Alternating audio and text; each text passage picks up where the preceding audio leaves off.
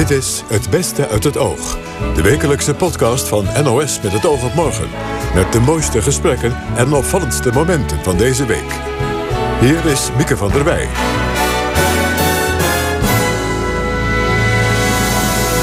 Hartelijk welkom bij deze weekpodcast van het Oog. We hebben weer mooie gesprekken van de afgelopen week verzameld. De Europese Centrale Bank denkt erover om een bad bank op te richten.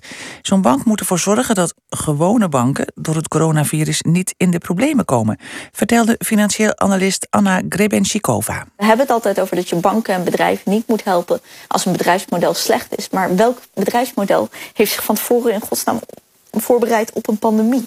Geen enkel. Ook gaat u meer horen over omstreden standbeelden en straatnamen. Wat kan tegenwoordig nog wel en wat niet? Wat straatnamen betreft is hoogleraar Lotte Jensen in elk geval helder. Die moeten we niet aanpassen. Er is geen beginnen aan. Dan blijft geen schrijver meer overeind, ben ik bang. En we spraken Sylvana Simons, voor wie racisme aan de orde van de dag is. Ik heb vandaag eh, in de auto en in de wachtkamer in het ziekenhuis zitten huilen echt letterlijk de tranen over mijn wangen. Omdat ik dus weer alledaags racisme heb meegemaakt. Wat haar precies zo emotioneerde, hoort u zo. Maar we beginnen met journalist en socioloog Herman Vuijsje. Auteur van het boek Zwartkijkers. Shaila Sital Singh sprak met hem over de termen die veel gebruikt worden in het racisme-debat. Ook het begrip racisme zelf kwam ter sprake. Veel mensen gebruiken dat woord verkeerd vertelde Vuijsje. Dat is volgens mij een woord wat uh, niet van toepassing is voor de overgrote meerderheid van de problemen die we op dit gebied hebben in Nederland. Want wat is voor, u dan het verschil tussen, u zegt discriminatie, discriminatie is er maar geen racisme. Ja. Wat, waar zit het verschil in? Het verschil is dat je discriminatie kan meten en racisme niet. Discriminatie zijn, zijn handelingen uh, die in de wet verboden zijn. Dat zijn mensen die in he, gelijke mensen die in gelijke omstandigheden ongelijk worden behandeld. Mm -hmm. Dat kan op allerlei gebieden zijn, woningmarkt, arbeidsmarkt, noem maar op straat. Kan, dat kan je uh, objectief vaststellen. Oh ja, daar zijn wettelijke bepalingen voor. Je kan die mensen voor het gerecht dagen en in de gevangenis stoppen als dat nodig is. Bovendien kan je dan uh, verder kijken van waarom is dit eigenlijk? Waarom doen deze mensen dat? Wat zit daarachter? Is dat een, een, een diepe haat tegenover mensen van een andere kleur? Is het ongerustheid over bepaalde dingen? Is het angst? Is het vervelende ervaringen? Het kan van alles zijn als je het zo benadert, dan ga je dus kijken wat zit erachter. En als je kijkt wat erachter zit en het een beetje uitzoekt, dat is in een aantal onderzoekingen die ik in mijn boek ook noem ook gedaan, dan kan je vervolgens beleidsmaatregelen nemen. Nou, als je nou het woord racisme meteen erop van toepassing verklaart, dat is het ergste vloekwoord eigenlijk wat we in onze taal kennen. Racisme is het allerergste wat, je kan, wat in een maatschappij kan gebeuren. Mensen reageren ook meteen heel erg ja. uh, gepikeerd hè, zodra het over racisme gaat. Omdat mensen het ook heel erg op zichzelf betrekken. Van, noem jij mij nou een racist? Ja, Daar gaat het heel snel over. Precies. En als je dus zegt dat in Nederland een institutioneel of systematisch racisme bestaat, wat op het ogenblik vaak wordt beweerd, dan worden die mensen uh, kwaad. Uh, en ik vind het ook uh, heel jammer, omdat het onder de uh, het uitzicht beneemt om iets te doen aan die problemen waar we het allemaal over eens zijn, dat ja. ze bestaan. Nou zei de premier deze week, uh, nam ook het woord systematisch racisme, of hij noemde het systemisch Systeem, racisme, ja. uh, in de mond. Hij zei, wij kampen daarmee als Nederland. Bent u het met hem eens? Nou ja, Kijk, dat zijn woorden die hebben geen objectieve definitie. Net als overigens racisme. Wat dat precies is, dat weten we niet. Daarom is het ook zo'n moeizaam te gebruiken woord. Uh, ja, wat is een systeemracisme? Is dat uh, iets wat vaak voorkomt? Ik denk dat Rutte dat bedoelde. Dan ben ik het met hem eens. Wat je ook zou want, kunnen bedenken. Want, want, waar komt het dan vaak voor? Uh, Op de woningmarkt, om eens -huh. iets te noemen. Kunnen we het zo, wat mij betreft, dan ook nog graag nog even hebben. Uh, maar je kan ook veronderstellen dat het betrekking heeft op de structuren en systemen van onze maatschappelijke en politieke ordening. Uh, dat is dus niet zo in Nederland. We hebben goede wetten in deze democratie. Uh, als mensen die wetten schenden, dan komt dat vaak uit. En dan gaan we dat vervolgen. Dat is uh, heel goed. Anders dan in bijvoorbeeld Amerika, waar wel degelijk natuurlijk een lange en nog steeds niet uitgedoofde racistische traditie bestaat. Ja. Met een min of meer racistische president zelfs nu. Ja, en die ook in wet en regelgeving ook is vervat nog ja. steeds in contracten en dergelijke. Nou, um, als we het hebben over systeemracisme in Nederland, dan noemt um, iedereen graag het voorbeeld van de Belastingdienst. Hè. Dat, daar, daar zou voor institutionele vooringenomenheid zijn tegen ja. bepaalde groepen. Um, er wordt ook nu, is nu aangifte ook zelfs gedaan. Is dat een voorbeeld van systeemracisme? Het is interessant, ik weet het niet precies. Het is een heel ingewikkeld probleem met allerlei kanten. En ik, ik wil me dus voorzichtig erover uitdrukken. Wat ik wel weet is dat het geen racisme is. Het gaat over verschillende nationaliteiten. Het is niet zo dat mensen geselecteerd zijn voor een nadrukkelijk onderzoek omdat ze een bepaalde kleur hebben. Nee, ze hebben een ander paspoort erbij ja, meestal. Maar dat, dat gaat toch wel vaak samen met een, een, een andere huidskleur. Wel het gaat in dit geval ook wel om mensen met wat je noemt een moeilijke achternaam. Ja, dat is zo. Maar dat Als is je de slachtoffers in de zaaltjes deze... zag zitten, die waren eigenlijk allemaal gekleurd bijna. Ja, maar het is toch nog geen reden om deze begrippen. Het is bij deze gevoelige materie erg belangrijk om juist en zuiver te zijn in je terminologie, omdat het anders gaan mensen zich ook ja, aangevallen voelen terwijl dat niet nodig is, bijvoorbeeld. Vindt u dat het racisme-debat in Nederland niet, niet zuiver genoeg wordt gevoerd? Ik vind, dat precies het, genoeg? ik vind dat het gekaapt wordt voor een deel door uh, een kleine minderheid die van mening is dat er een structurele tegenstelling tussen wit en zwart in Nederland bestaat. Mm -hmm. Witte hebben schuld, hebben witte privileges, moeten zich een beetje gedijst houden. Uh, de zwarten hebben nooit, hè, als, er bijvoorbeeld bij, als bijvoorbeeld minder kansen op de arbeidsmarkt bestaan voor mensen met een bepaalde etnische achtergrond, dan mag dat nooit in verband gebracht worden met bepaalde culturele eigenschappen die misschien in sommige van die groepen leven. Misschien dat ze minder opleiding hebben, misschien dat ze uh, andere blik hebben op pak een beet, homoseksualiteit, op kansen voor meisjes. Het zijn allemaal dingen, maar dat hoor je niet. Hè. In dit debat is bijvoorbeeld ook het bestaan in Nederland van enkele tienduizenden meisjes die besneden zijn, hoor je nooit door deze zwarte activisten naar voren brengen. Dus u vindt dat zeg maar, um, misstanden worden weggemoffeld onder, um, onder, onder, een, een deken van racisme? Van een zwart-wit onderscheid, wat extreem is en wat verdeelt in plaats van wat we moeten hebben, toenadering mogelijk maakt en analyse. En hoe zou u die toenadering, hoe stelt u zich die voor? Nou, door, door te kijken, bijvoorbeeld in dit boek heb ik dan een beetje uitgezocht hoe het zit met de arbeidsmarkt. Natuurlijk is het zo dat mensen eh, op de arbeidsmarkt kansen voor veel mensen met een etnische achtergrond structureel minder zijn. Dan mensen het blijkt zelfs uit onderzoek dat, ik geloof, Nederlanders met een strafblad eh, nog eerder worden aangenomen dan ja. uh, mensen met een buitenlandse achternaam of een buitenlands klinkende achternaam. Maar ga je dat dan onderzoeken, en dat is gedaan door een aantal onderzoekers, dan blijkt dat die achterstand uh, niet alleen te maken heeft met etniciteit, maar ook sterk samenhangt met leeftijd. Bepaalde etnische groepen, het is niet zo dat ze allemaal evenzeer het slachtoffer zijn hiervan, en geslacht en hoogte van de, van de, van de baan jongelui zijn het meeste voor het vaakst, uh, hebben het vaakst deze moeilijkheden. Jongens hebben deze moeilijkheden, wat mij ook niet verbaast, want de schoolsuccessen van meisjes met een etnische achtergrond zijn aanmerkelijk beter dan die van jongens. Ja. Uh, en vrouwen hebben meer kansen. Dat wil zeggen, hebben ook, ik kan het onderzoek noemen, ik moet even een boek opzoeken. Als je een uh, vrouw bent met allochtone achtergrond en je solliciteert naar een hoog niveau beroep, heb je nauwelijks, blijkt uit onderzoek, een achterstand. Dus het is een hele specifieke groep. Het zijn vooral de jonge, zwarte, laagopgeleide mannen. Ja, je moet niet alleen kijken naar de etniciteit. Dat is een, mhm. een, belangrijke factor. En dan moet je zeggen, het werk mogen maar je moet niet net doen of dat de enige factor is van sociaal onderscheid die onrechtvaardige gevolgen heeft voor mensen die onder die categorieën vallen. Begrijpt u um, deze mensen die nu allemaal op de Dam hebben gestaan en die in, in Den Haag stonden en in Rotterdam en in al die andere steden, begrijpt u wel hun onvrede met hun positie in de maatschappij of met hun, hun onvrede met de Nederlandse maatschappij? Zeker, want deze, nogmaals, deze uh, vormen van discriminatie zijn onmiskenbaar aanwezig. Hmm. Het gaat mij er helemaal niet om dat te ontkennen, maar wel om eh, te pleiten voor een nuchterder en minder ideologisch gekleurde en minder extremistische benadering hiervan. En heeft u hoop dat dat gaat gebeuren? Uh, nou, er, er, vindt inderdaad bijvoorbeeld, ik noem maar eens een voorbeeld van in, in het ook bestaande discriminatie aan de deuren van nachtclubs en zo, komen in steeds meer gemeentes uh, flinke strafmaatregelen voor portiers die zich daar schuldig maken. Nou, dat zijn goede dingen. Daar heb je helemaal het hele racisme niet voor nodig. Misschien dat ze zich wel weigeren omdat, ze, omdat hun, hun neus er niet bevalt, weet ik veel. En maar nou ja, goed, oké, die neus laat ik even buiten beschouwing. omdat ze bang zijn dat ze moeilijkheden maken. Hè? Dat, dat is natuurlijk vaak. En dat is niet omdat ze een bepaalde kleur hebben, maar omdat er een vooroordeel bestaat. Ja, die wel die ingegeven is natuurlijk door de, manier, door de ja, wijze waarop ze eruit zien. Wat, wat, denkt u dat die demonstraties gaan opleveren?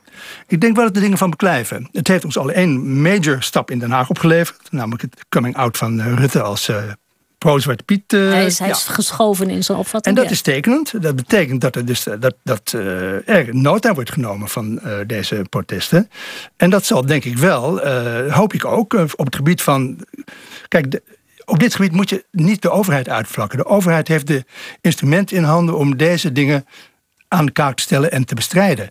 Al dus Herman Vuijsje, socioloog. Het kwam al even voorbij. Premier Rutte is anders gaan denken over Zwarte Piet. In de Tweede Kamer zei hij het volgende. Ik word ook tot de groep die zei: joh, Zwarte Piet is nou helemaal zwart. En ik heb het vaker hier verteld in het vraag in andere momenten. Op het moment dat ik mensen tegenkwam met een donkere huidskleur... die zeiden, kleine kinderen, ik voel me ongelooflijk gediscrimineerd... omdat die Piet zwart is. Toen dacht ik, ja, dat is het laatste wat je wil bij het Sinterklaasfeest. En Wilfried de Jong besprak die draai van Rutte met Sylvana Simons van de politieke partij Bijeen. Die was niet onder de indruk. Ik, ik zat thuis op de bank en ik moest heel erg lachen. Want uh, aan de ene kant uh, is niets menselijks mij vreemd. Dus uh, stiekem had ik ook wel zoiets van: hè, hè, dat, I told you so. Hè. Het is ja. toch fijn om dat van de minister-president te horen. Tegelijkertijd ben ik helemaal niet overtuigd van de zwaarte van dit nieuwe inzicht. Omdat dat voor mij gelijk te niet gedaan wordt op het moment dat de minister-president zegt: ja, ik zag een heel zielig zwart kindje en uh, zielige zwarte kindjes, nou, dat moet je niet willen. Uh, dat gevoel van dat meisje. Maar het gaat niet over het gevoel van dat meisje. Um, in het interpersoonlijke is dat belangrijk. Ja. Maar de minister-president gaat nou juist over de systemen en blijft volhouden dat hij daar geen invloed op heeft. En ik ben ervan overtuigd dat veel excessen die we de laatste jaren hebben gezien binnen dat debat niet hadden voorgevallen als daar eerder stelling in was genomen. Want het is bij uitstek iets waar de minister-president over gaat. Als het gaat om saamhorigheid, solidariteit. Maar vooral als het gaat over het eerste artikel van onze grondwet. Dat we hier niet uh, aan racisme en discriminatie doen. Dus ik zou veel liever heel veel meer concreets van hem horen. Wat, wat, wat vindt hij van wat er bij de Belastingdienst uh, uh, gaande is geweest? Ja. Dat, is, dat is nou iets systemisch. Ja.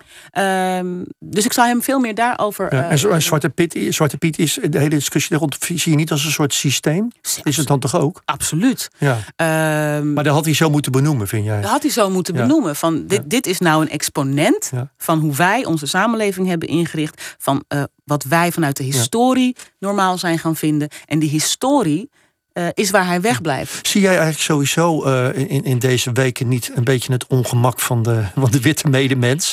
Die ja. zo graag goed wil doen. Ja, zie die die uh, op social media een zwart plakkaat ja. laat zien in, op, op Instagram. Ik ben zelfs zo, zo wit als boter. Maar Voel jij je er ongemakkelijk bij? Nou, ik, ik, toen ik het zag, bijvoorbeeld die, die Instagram, dacht ik van. Ik heb geen zin om aan mee te doen, dacht ik. Dacht ik, ja, het is een soort. Je snapt dat het goed bedoeld is, maar het goed bedoelde krijg je ook het lazigers van. Ja, het voelt een beetje als een uh, 30-day challenge, uh, moet ik zeggen. Zo van, ja, doen we... Er zit geen slechtheid in, nee. maar, maar het, het lijkt ook een soort doekje voor het bloed Klopt. of zo. Het is allemaal te klein wat je doet. Maar ja, om weer helemaal stil te worden, helemaal niks te doen. Nou, ik, ik hoop dat heel veel witte Nederlanders zich ongemakkelijk voelen bij het debat dat nu gevoerd wordt. Want dat is wel wat nodig is om uiteindelijk. Uh, uh, tot resultaat te komen. En het resultaat moet zijn dat een ieder uh, zich bewust is van de eigen verantwoordelijkheid. binnen, het oplos, binnen de oplossing van het probleem. En kijk, ik zag op social media mensen die dan één dagje een zwart vlakje deden. Maar ja, er kwam eigenlijk meteen weer een bikinifoto achteraan, ja, denk ik. Ook niet ja. onbelangrijk trouwens. hoeft voor mij dan weer niet. Maar um, wat goed is, ik voer de laatste tijd echt hele mooie gesprekken met jonge witte mensen die zeggen: Ik zie het. Ja. En als je het ziet, kun je het niet meer ontzien. En ik wil mijn verantwoordelijkheid nemen. Help me daarbij. Maar die zijn ook bereid om aangesproken te worden op ongemakkelijke zaken, uitspraken of acties. En die zijn ook bereid om te horen: heel fijn dat je mee wil doen, maar ken je plek. En wat is de plek dan? Je bent een bondgenoot. Ja. Je hebt een enorme verantwoordelijkheid binnen jouw scope. Maar, het lijkt maar ga op... niet met jouw verhaal of je schuldgevoel naar de voorgrond dringen. Mag ik een klein voorbeeldje geven? Ja, zeker. Er was een meisje bij een van de demo's. Ik meen dat het in Arnhem was, maar hou me te goede. En uh, er was een, een, een, wit meisje en die ging het podium op... en die ging daar een heel emotioneel verhaal vertellen... over hoe, hoe, hoe het haar allemaal geraakt had. Dan moet je dus voorstellen dat daar uh, uh, die zwarte emotie achter zit... van structureel, niet jarenlang, maar eeuwenlange pijn en miskenning... En dan moeten wij medelijden hebben omdat jij gisteren wakker bent geworden. En moeten wij nu dat podium aan jou geven. Dat voelt heel oneigenlijk. Dus ik denk dat het heel belangrijk is dat mensen zich realiseren. Um, ik, ik, ik kan alleen een bondgenoot zijn als ik me realiseer dat het niet over mij gaat, maar dat ik wel een verantwoordelijkheid heb. En, en, en, de, en de, ja, ik, ik hoor af en toe ook reacties. Het was in een boekenprogramma, het lijkt, lijkt er niks mee te maken. Maar iemand werden allemaal zwarte schrijvers behandeld. Mensen kiezen ook nu allemaal hè, de zwarte muziek, de zwarte ja, schrijver. Snap ik ook heel goed. En, en toen was er ook een schrijf, schrijver, eh, een, een, een, vrouw uit Amerika volgens mij, die had gezegd: Ja, ik vind eigenlijk, ik wil eigenlijk helemaal niet meer dat ik door witte mensen gelezen word. Ja. Wat vind je daarvan? Ja, dan moet zij weten. Ik, ik, wat nee, maar wat vind je ervan? Want dat is gewoon, daar ben ik benieuwd naar wat je daar dan van vindt. Als mensen zo'n extreem standpunt kiezen. Oh, wat vind ik daarvan? Ehm, het is niet mijn standpunt. Ik, ik, ik weet ook niet waar het bij haar vandaan komt. Wat ik me heel goed kan voorstellen, misschien is het dezelfde schrijfster. Er was ook iemand die zei: Ik ga het niet meer aan witte mensen uitleggen. Misschien is, ik denk dat dat zomaar dezelfde schrijfster kan zijn. Ik ga dat gesprek niet meer voeren. En dat begrijp ik heel goed, want dat punt bereik ik ook regelmatig. Ik denk, nou, weet je, zoek het allemaal maar uit. Want, ja, maar dat is boosheid en niet, en, het, en niet het gesprek aangaan. Het is frustratie, maar het ding is nou juist: wat wij nu van zwarte mensen vragen, is dat zij keer op keer op keer op keer op keer het geduld opbrengen om de ander te ontzien. Om de ander zich beter te laten voelen in dit debat. Om de ander niet ongemakkelijk te laten voelen. Daarbij wordt heel vaak naar hun ervaringsverhalen gevraagd. Ga nog een keer door je trauma heen alsjeblieft. En vertel me hoe verschrikkelijk het is. Wilfried, ik heb vandaag eh, in de auto en in de wachtkamer in het ziekenhuis zitten huilen. Echt letterlijk de tranen over mijn wangen. Omdat ik dus weer alledaags racisme heb meegemaakt. Gewoon in het ziekenhuis waar ik voor een bloed. Wat overkwam je? Het overkwam mij niet. Ik was er getuige van. Van een meneer, die, uh, een dame die liep aan de verkeerde kant van de stickerstreep. Want er zijn natuurlijk allemaal eh, routes mhm. uitgestippeld. Zij liep aan de verkeerde kant. Volkomen logisch, want die routes waren uh, zeg maar tegenovergesteld van hoe we dat normaal doen. En die dame kwam aanlopen en die meneer die nou, uit het niets begon hij tegen haar hier alsof het een hond was. Dus ik, ik keek het zo even aan. Die mevrouw mompelt een beetje sorry. Ik zei, nou meneer, vindt u het normaal om zo te... Wie het ook was geweest. Ja. En als uitsmijter, eerst begint hij natuurlijk met mijn discussie. En als uitsmijter, ik had dus, je moet je voorstellen, ik had een zonnebril op. En ik had een mondkapje voor. Hij heeft mij niet herkend, ben ik van overtuigd. Oudere meneer. En, het, en de uitsmijter was, jij was zeker ook maandag op de Dam.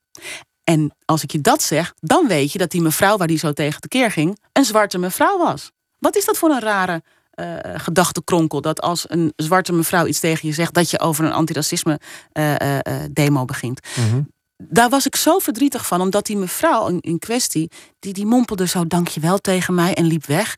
En ik dacht, ja, maar is dit, dit is toch niet normaal dat je zo tekeer gaat tegen iemand? En dat is dan een heel klein uh, voorbeeldje op een door de weekse dag. En wat, wat, wat tot nu toe in het debat steeds gevraagd werd, was alle actie lag bij de groep die het werd aangedaan. De groep die het probleem agendeerde. Terwijl het feit dat wij het probleem agenderen wil niet zeggen dat we totaal verantwoordelijk zijn voor de oplossing. Dat zie je veranderen, zeg jij. Je ziet dus dat dat betreft veel meer mensen eh, de straat op gaan. Absoluut. Van allerlei gezinnen. Dat zie ik, de, absoluut, dat zie ik dus in fysieke zin bij de demonstraties. Ik merk het aan de gesprekken, ik merk het aan de vragen, ik merk het aan interviewaanvragen. Ik, en het gaat vooral, moet ik dan zeggen, om jonge mensen. Ben jij overigens zo uh, uh, boos geweest de afgelopen jaren? De meeste mensen meer misschien boos, maar dat was je ook en ook terecht. Maar kan die boosheid er ook toe leiden dat als je naar demonstraties kijkt die uit de hand lopen en er wordt gevochten, dat je, dat je ook even het lekker vindt dat er gevochten wordt? Nee, ik vind het zeker niet lekker. Ik heb er geen plezier van. Maar ik begrijp het wel heel vaak wel. En uh, een zin die ik de laatste week steeds vaker uitspreek, uh, komt van Chris Rock, een Amerikaanse stand-up comedian. Mm Een van mijn favorieten, juist vanwege zijn uh, politieke inslag. Die is ook nog onaangepast, hè? Ja, precies. In zijn humor. En ja. um, hij zegt: het is een, een, een, een gag, maar ik neem hem over. I'm not saying it's okay, but I do understand. Ik zat er vandaag aan te denken en ik kwam op de vergelijking. Kijk, de, als je twee moorden hebt. Mm -hmm. En de ene is een roofoverval van iemand die ergens langs liep en dacht: hé, hey, groot huis, ik ga eens naar binnen. Oh shit, de boner is thuis, uh, die vermoord ik. Of je hebt een vrouw die na een huwelijk van 25 jaar, waarin ze elke dag door haar man uh, in elkaar geslagen wordt, op een gegeven moment denkt: nou, ik trek het niet meer. En ze steekt die man neer. Ja. Dan hebben wij toch iets meer sympathie. Compassie met de ander, ja. En zo, zo moet je het zien. Het is, een, het is alsof je gewaterboard wordt je hele leven. Druppeltjes, druppeltjes, druppeltjes, druppeltjes. Op een gegeven moment slaat de vlam in de pan. Sylvana Simons zei dat. Iets heel anders dan. De Europese Centrale Bank denkt erover om een bad bank op te richten. Die bank moet slechte leningen opkopen van andere banken. Die andere, gewone banken, komen dan niet in de problemen, legde financieel analist Anna Grebenchikova woensdag aan mij uit. Bij het opkopen van leningen moeten we volgens haar denken aan allerlei verschillende type leningen. Dat kunnen bedrijfsleningen zijn, dat kunnen ook gewoon leningen aan particulieren zijn. Hypotheken, creditcardleningen, misschien autoleningen. Gewoon leningen waarvan ooit werd ingeschat, daarvan gaat een aanzienlijk percentage op volledig terugbetaald worden. Maar nu, door de coronacrisis, is de kans dat ze terugbetaald gaan worden veel kleiner geworden. Alleen een bank kan daar niet zomaar vanaf. En om, nieuwe leningen te kunnen verstrekken aan bedrijven en gewone particulieren, moet je wel ruimte krijgen op de balans. En dus moeten die leningen ergens heen. En wat de ECB dan gaat doen, is dat ze naar die leningen gaan kijken. En gaan, ze gaan afvragen, oké, welke prijs past er bij deze leningen? En vaak heeft een bank deze leningen op de balans staan voor boekwaarde. Dat is niet anders dan dat je naar je uh, koelkast loopt en zegt: Ik heb een uh, pak melk. De boekwaarde is gewoon waar ik origineel de melk voor heb gekocht. Maar inmiddels is de melk verrot. Het is een bad milk geworden. Dus is de waarde van de melk omlaag gegaan. Nou, en dat de, de, de waarde is nul geworden, toch? Niet helemaal. Omdat in het geval van slechte lening kan een groot deel gewoon nog terugbetaald worden. Dat hebben we ook gezien in het verleden. Dus wat we dan gaan doen is dat je een onderhandeling krijgt tussen de ECB aan de ene kant en de banken aan de andere kant om een goede waarde te bepalen voor die leningen. Het eerste voorbeeld wat ik eerder aanhaalde, heeft bijvoorbeeld 57% korting gekregen op het pakket aan leningen dat zij hebben overgenomen van Ierse banken. En dan in de jaren daarna gaat die bad bank kijken hoeveel ze van die leningen nog gewoon kunnen innen. En destijds hebben ze met 57% 74 miljard aan leningen gekocht. En dat betekent dat ze ongeveer 32 miljard hebben uitgegeven. En daarvan heeft tot nu alles zichzelf terugbetaald met ongeveer tussen de 3 en de 4 miljard winst. Wat 10% winst is over, nou ja, 10 jaar. Wat een redelijk bedrag is. Dus een bad bank kan uiteindelijk ook eh, geld opleveren. En dat is niet gek. Aangezien het niet heel veel anders is dan wat private equity bedrijven doen. Als zij naar een hele berg bedrijven toe komen en zeggen: joh, jullie balans staat er slecht voor. Zullen wij jullie schulden opkopen voor een verlaagd bedrag? En dan kijken wat wij, of wij nog iets van jullie schulden kunnen maken. Ja, dus het is niet zo dat die ECB uh, verlies gaat leiden op die slechte leningen, per se?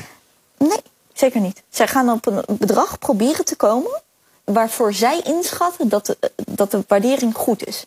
Alleen dat bedrag gaat heel interessant zijn. Er gaan heel veel uh, papers onderhangen van allerlei wetenschappers over waarom we precies op dit cijfer gekomen zijn als ik heel eerlijk ben, is dat cijfer voornamelijk afhankelijk van hoeveel de banken nodig hebben om liquide genoeg te blijven om nieuwe leningen te kunnen verstrekken. Ja. Er is uh, verzet hè, tegen dit idee van de ECB. Wat, wat, wat zijn de nadelen?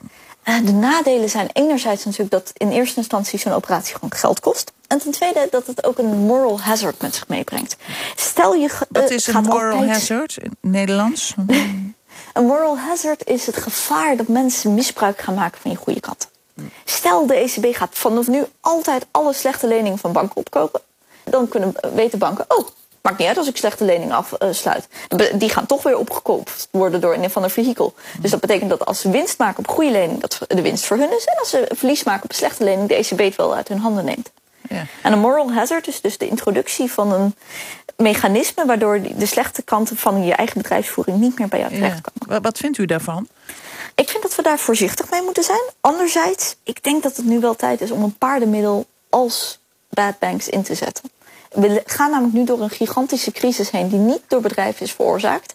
En als bedrijven hierdoor omvallen en geen nieuwe leningen kunnen krijgen, of als banken hierdoor in de problemen komen en als particulieren hierdoor in de problemen komen, dan kunnen ze het eigenlijk niet voorzien.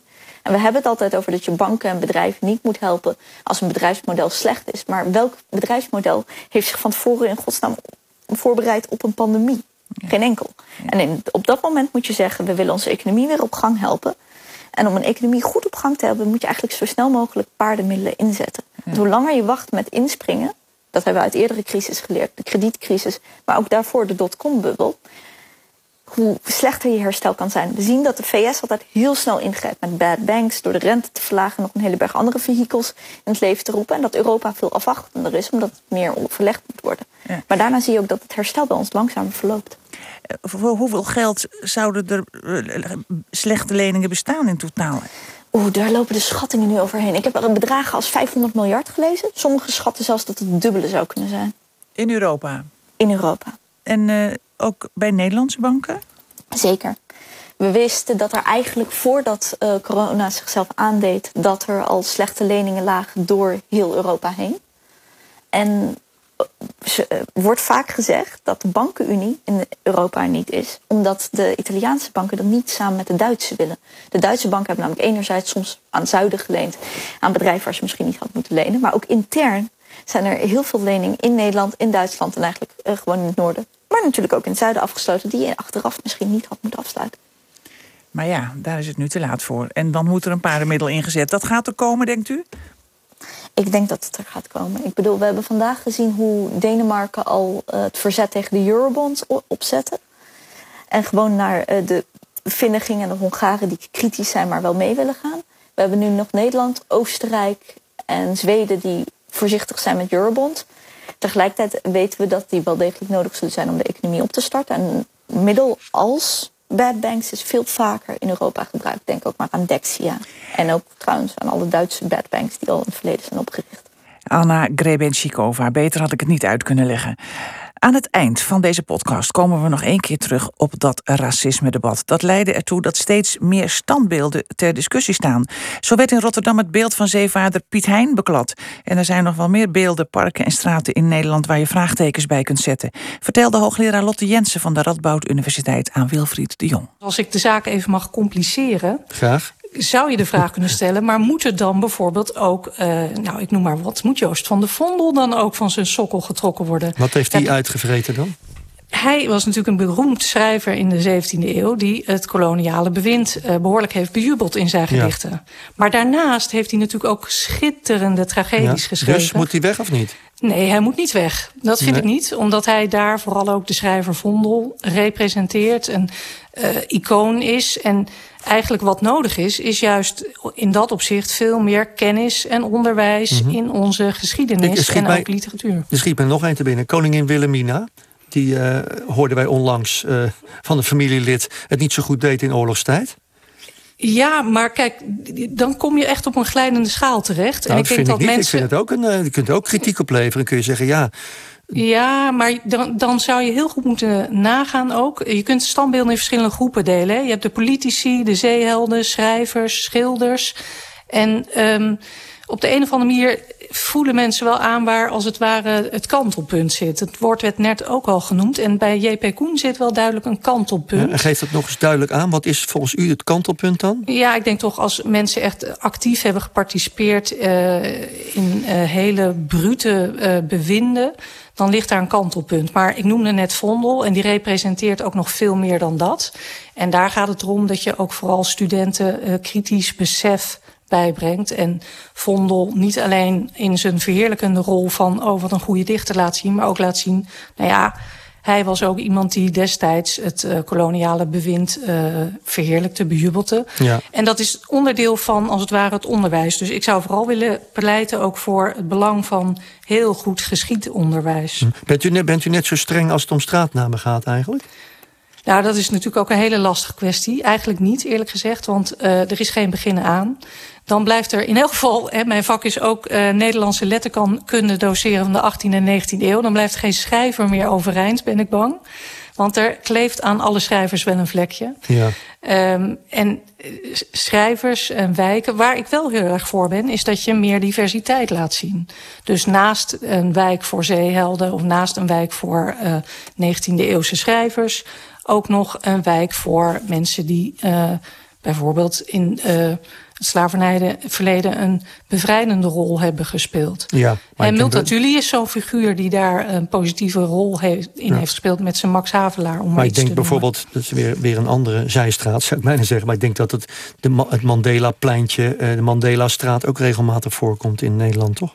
Ja, zeker. Nee, die diversiteit is dus belangrijk. Maar ik denk dat er echt geen beginnen aan is als we op een bepaalde manier dit gaan willen zuiveren. Nee. Maar dat het ook een relict is van de geschiedenis dat ons iets kan leren en bijbrengen. Maar dat het wel om gaat om kritisch te kijken waar inderdaad bepaalde standbeelden echt uh, ja, ongemakkelijk worden. En door ja. een brede groep ook niet meer als uh, um, uh, plezierig worden. Ja, nee. plezierig is het nou, keer Koen, Koen is er als... een van. En, en, heeft u Misschien... nog een top drie? Aha, top drie. nou, ik denk een lastig geval ook is natuurlijk J. van Heuts. Um, en wat ik zeg, ik, ik ben er echt niet voor dat, uh, dat we nu alle standbeelden maar gaan bekladden. En iedereen die iets, uh, wel iets op of aan te merken heeft. Maar dat we beginnen bij heel goed geschiedonderwijs. Ja. En zullen, we dan beseffen... de, zullen we dan bij mooi weer de gesprekken dit weekend voeren in de Witte de Witstraat in Rotterdam? op het terras? Nou, dat is prima. Laten we daar beginnen. Dat mag nog wel, vindt u, de Witte de Wit? Uh, daar ligt ook het kunstcentrum, hè, Witte de Witstraat. Ja. ja. u vraagt aan mij steeds wat mag wel en niet. Maar ik denk dat het eigenlijk ook de tijdsgeest is... of een brede groep uh, mensen bepaalt uh, waar de grenzen getrokken worden. Dat is niet aan mij aan als historicus om te zeggen... dit mag wel en dat mag niet. Nee. Ik reflecteer op die zaken en op eeuwenoude patronen. Maar wat je wel kunt zien is dat allerlei helden... al eeuwenlang worden toegeëigend door bepaalde groepen... en discussie opleveren. Ja. Ja, en ik kan u uh, vertellen dat het inmiddels, het is nu uh, zaterdagmiddag, uh, besloten is dat de Witte de Wit inderdaad van naam gaat veranderen. Nou, dat was hem weer. Bedankt voor het luisteren en heel graag tot de volgende podcast. Dag.